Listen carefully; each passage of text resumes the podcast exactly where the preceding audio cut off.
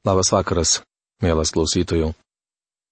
Šiandien toliau keliausime Biblijos puslapiais, Senuoju testamentu, nagrinėdami Izaijo knygą. Laidą pradėsime 57 skyriaus apžvalgą, kurio tema yra skirtumai tarp teisiųjų ir nedorėlių, teisiųjų pagoda, nedorėlių pasmerkimas. Prieš pradėdami nagrinėti tekstą, Paprašykime Dievo pagalbos suprasti tai, ką skaitome.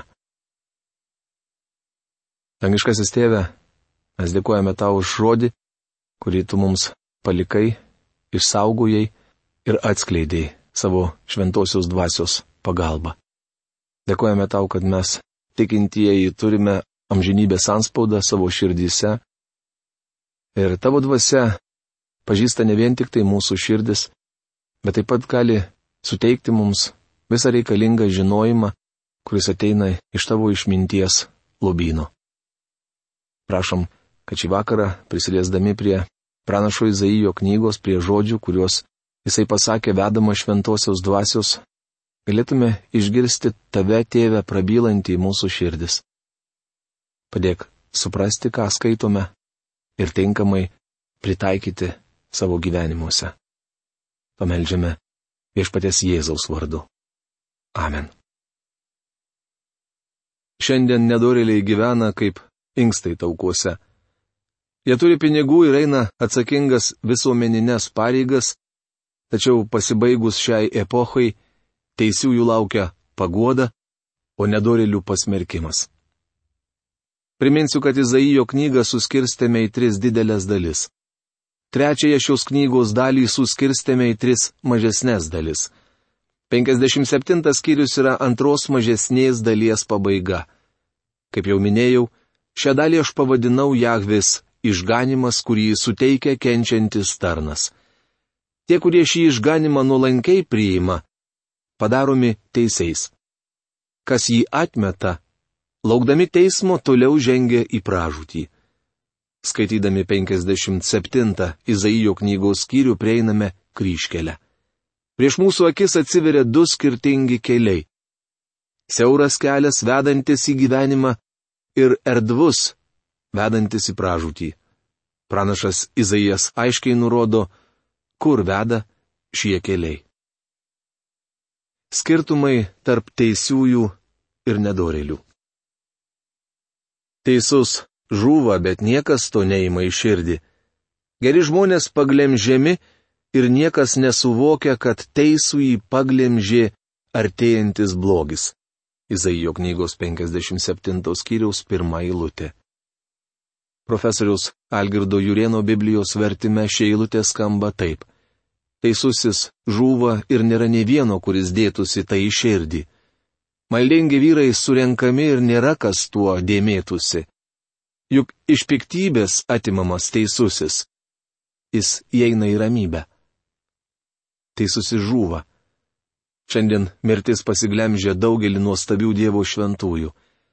Dievas pasima juos, kad jiems netektų patirti būsimųjų negandų.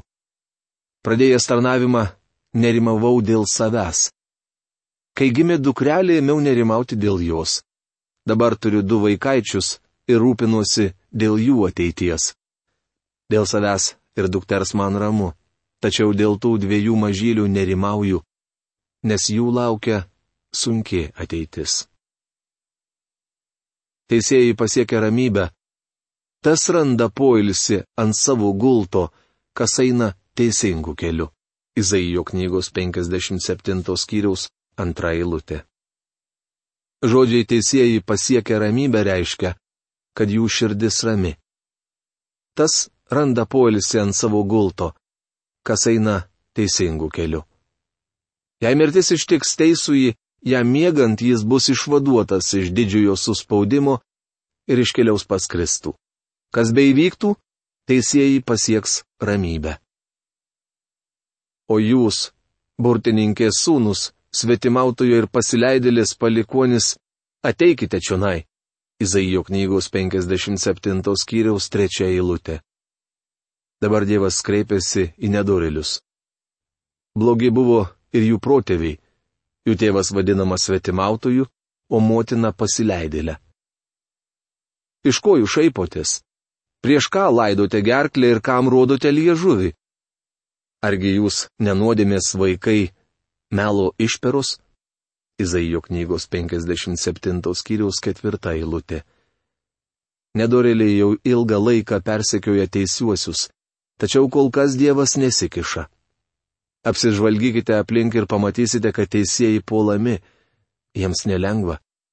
Nedorėliai engia ir šmeižia Dievo žmonės ir regis, jiems pavyksta išvengti bausmės.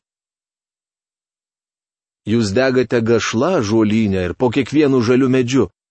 Jūs pjaunate vaikus upių vaguose ir uolų plyšiuose. Izaijo knygos 57 skyriaus 5 eilutė.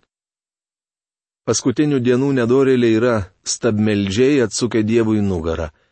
Jie kalti ištvirkimu ir žudimu. Šios dvi siaubingos nuodėmės - svetimavimas ir žmogžudystė - labai paplitusios ir šiandien. Joms prilyksta tik godumas, kuris taip pat yra stabmelystė. Tokia šiandieninė nedorilių būklė. Tavo dalis tarp slidžiųjų upės akmenų. Taip, tai tavo dalė. Tulėjai jiems liejamasias aukas ir aukojai atnašas. Ar dėl tų aukų aš galiu pasigailėti? Izaijo knygos 57 skyriaus 6 eilutė. Jie net garbina glotnius upės akmenis, kuriais kitados buvo užmuštas melžinas. Jie garbina viską išskyrus gyvai Dievą. Ant aukšto ir didingo kalno įsitaisiai saugultą ir kopdavai ten aukos aukoti. Izaijo knygos 57 skyriaus 7 eilutė. Stabmeldystės apėgos, kurios būdavo atliekamos kalnų viršūnėse augančiose giraitėse, dabar užleidžia vietą bjauriausiams amoralumo formams. Tai paskutinių dienų ženklas už durų ir staktų pasistatei savo nešvankų į ženklą. Atmesdama mane, pasiklojai savo gultą, lipai į jį ir jį padidinai. Mėgdama gultą sudarei su jais sandėrį, kad jie tau dažnai būtų priegulais ir šitaip tenkinai savo gašlumą. Izaijo knygos 57 skyriaus 8 eilutė. Seniau nuodėme būdavo daroma slaptai, šiandien ją didžiuojamasi. Kažkas paklausė manęs, ar jums netrodo, kad anksčiau žmonės buvo tokie pat amoralūs kaip ir šiandien? Gali būti. Tačiau anksčiau tai buvo slepiama. Anksčiau žmonės gėdydavosi savo nuodėmių, o šiandien dėl jų neberaudonuoja. Neseniai per televiziją rodė interviu su viena dailė mergaitė, kuri gyveno su vyru, nesusituokusi. Laidos svečiai gyrė ją, kad ji nesielgia veidmainiškai. Gal ji ir neveidmainė, bet Dievo akise yra nusidėjėlė. Apie ką anksčiau nebuvo kalbama net pašnipždomis, šiandien daroma atvirai. Nuodėmė tapo gyvenimo būdu. Nebėra aukštų standartų. Kviečiai ir augės auga drauge. Tačiau nėra ko stebėtis, nes viešpats sakė, kad tai bus. Šioje Izaijo knygos dalyje aiškiai parodomas skirtumas tarp teisiųjų ir nedorelių. Teisiųjų pagoda. Kitoje 57 skyriaus dalyje Izaijas kalba apie paguodą teisiesiems. Juk aukščiausiasis, prakilnusis, amžinasis, kurio vardas šventasis sako taip. Šventose aukštybėse gyvenu ir su sugniuždytaisiais bei prislėgtaisiais būnu, kad pakelčiau prislėgtųjų dvasę ir atgaivinčiau sugniuždytųjų drąsą. Izaijo knygos 57 skyriaus 15 eilutė. Paskutinėmis dienomis Dievas godžia savuosius, nes yra aukščiausiasis, prakilnusis ir amžinasis. Vidutiniškai žmogus Žemėje išgyvena 60-70 metų. Lyginant su amžinybė tai tik akimirka. Amžinasis Dievas žada pasimti tuos, kurie pasitikė ne savimi, bet juo. Jis kaip perekšlė višta surenka jauniklius po savo sparnais. Priklausantieji jam gali būti saugus ir ramus. Šioje eilutėje kalbama apie didžiojo suspaudimo laikotarpį, mūsų epochos pabaigą. Aš neamžinai kaltinsiu, ne visuomet pyksiu, nes mano akivaizdoje išblėstų dvasia ir net gyvybės alsavimas, kurį aš pats sukūriau. Izaijo knygos 57 skyriaus 16 eilutė.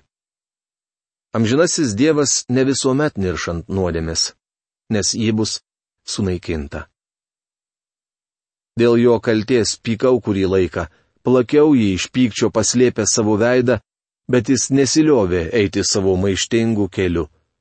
Izaijo knygos 57 skyriaus 17 eilutė. Dievas paaiškina, kodėl baudžia nedorelius. Nedoreliai godus ir nuolat maištaujantis prieš Dievą. Esu tikras, kad kiekvienas mąstantis žmogus žino, jog vieną dieną Dievas numalšins maištą. Jis baus išpuikelius, einančius savo maištingų keliu. Mačiau, kuriuo keliu jis eina, bet pagydysiu jį ir nuvesiu, gausiai paguosiu. Jo raudotojams. Izaijo knygos 57 skyriaus 18 eilutė. Dievas išgydys ir išgelbės tuos, kurie paliks savo nedorus kelius. Jis maloningas teisiesiems. Jo raudotojams aš, kurėjas, sukuriu lūpų vaisių. Ramybė, ramybė tolimiems ir artimiems, sako viešpats. Aš jį pagydysiu. Izaijo knygos 57 skyriaus 19 eilutė. Tik Dievas gali suteikti nusidėjėliui ramybę. Nedorilių pasmerkimas. Kaip jau minėjome, Izaijo knygos trečios dalies visos mažesnės dalys baigiamos žodžiais Nedoriliai neturės ramybės, sako viešpats. Manau, tai akivaizdu. Žmonijos istorija kupina karų ir konfliktų. Tarpusavyje kariauja ne tik tautos, bet ir pavieniai žmonės tačiau jie tai vadina konkurencija. Ji egzistuoja versle, socialinėje ir religinėje srityse. Konfliktų gausų kiekviename mieste ir kaime. Dievas sako, kad nedorėliai neturės ramybės. Žmogaus širdis negali atrasti ramybės be Dievo. Kol kas tai nei vienam nepavyko. Nedorėliai kaip jūra, pašiaušta audros ir negalinti nurimti. Jos bangos išmeta dumblą, ir nešvarumus. Izaijo knygos 57 skyriaus 20 eilutė. Tai turbūt vienas iš vaizdingiausių nedorelių apibūdinimų visame šventajame rašte. Nedorelis kaip audringa šėlstanti jūra neranda ramybės savo piktuose keliuose. Jis tarsi ieškomas nusikaltėlis, trokšta išsivaduoti ir būti saugus. Prieš keletą metų Jacksono mieste, Misisipės valstijoje, Į policijos nuovadą įžengęs 80-metis senukas tarė. Jau 50 metų mano sąžinę graužia kaltė dėl įvykdyto žmogžudystės. Kaltas aš, bet mano vietoje buvo nubaustas kitas vyras. Turiu prisipažinti. Paaiškėjo, kad pagal įstatymą tikrasis nusikaltelis negali būti nuteistas, nes vietoj jo bausmę atliko kitas. Tačiau tą vyrą, 50 metų graužė sąžinė. Tai pati didžiausia bausmė. Visą tą laiką jis neturėjo ramybės. Nedorėliai neras ramybės, sako mano Dievas. Izaijo knygos 57 skyriaus 21 eilutė. Jei šiandien pasaulis galėtų patirti ramybę be Dievo, tai paneigtų Dievo žodį. Tačiau Dievo žodis nepaneigiamas. Nedorėliai negali turėti ramybės pasaulyje ir jos neturi. Dievas sako, kad nedorėliai neras ramybės. Tai dieviška aksioma, nepaneigiama kaip visuotinė žemės traukos dėsnis. Izaijo knyga 58 skyrius. Tema Dievas atskleidžia nedorus Izraelio kelius ir paaiškina, kodėl atmeta jų religinius darbus ir Dievui rūpi Izraelitų gerovė. Šios skyriumi prasideda paskutinė Izaijo pranašyščių dalis. Šią Izaijo knygos dalį aš pavadinau Jahvė šlovė kurią atneša kenčiantis tarnas, nes joje kalbama apie karalystę šlovę. Nedori vidiniai keliai ir išorinis religingumas labiau negu bet kas kitas užlaiko Dievo malonę bei šlovę ir kenkia Kristaus darbui. Religingi bažnyčių nariai, kurie keikėsi kaip pagonis sukčiauja darbe, amoraliai gyvena ir visgi drįsta tvirtinti, jog yra geri ir atitinka Dievo standartus, iš tikrųjų užstoja Dievo malonę ir šlovę. Šiame skyriuje paaiškinama, kodėl buvo užlaikoma šlovė. Žmonių nusistatymas Dievo atžvilgių buvo išdidus ir ciniškas. Jie atlikinėjo ritualus ir drįso abejoti Dievo veiksmų pagristumu. Izraelis kritikavo Dievą ir jo metodus. Daugelis žmonių tą daro ir šiandien. Nors jie iš pažiūros atrodo religingi, tačiau eina savo nedorais keliais. Ta pati dvasia Dievo tautoje vyravo po Babilonijos nelaisvės. Tai rodo, jog nelaisvė Izraelitų nepataisė. Malachijo knygos trečios skyriaus 13-14 eilutėse skaitome. Įžuliai kalbėjote prieš mane, tarė viešpats. Tačiau jūs klausėte, ką mes kalbėjome prieš tave. Jūs sakote, Dievui tarnauti neapsimoka, kokia mums nauda iš to, kad vykdome jo įpareigojimus ar vaikštinėjame kaip raudotojai galybių viešpaties akivaizdoje. Izraelitai priekaištavo Dievui, Žiūrėk, kokie mes religingi, kodėl tad mūsų nelaimini? Jie lankė šventyklą ir atnašavo aukas. Nepasitikėdami dievų jie elgėsi begėdiškai, įžuliai ir akiplišiškai. Tokia dvasia būdinga kiekvienam jūsliniam žmogui, besipuikuojančiam savo išoriniu religingumu. Jo širdis toli nuo Dievo, o keliai nedori. Viešpats Jėzus Kristus bjaurisi apsimestiniu pamaldumu. Laudikėjos bažnyčiai sakė, Bet kadangi esi drungnas ir nei karštas, nei šaltas, aš išspjausiu tave iš savo burnos. Tai prašoma prieškimo knygos trečios skyriaus šešioliktoje eilutėje. Tai viešpats Jėzus vertina daugelį dabartinių bažnyčių ir atskirųjų narių. Dievas atskleidžia nedorus Izraelio kelius. Visa gerklė šauk, nesitausok, teskardi tavo balsas kaip trimitas parodyk mano tautai jos nedorybę, Jokūbo namams jų nuodėmės.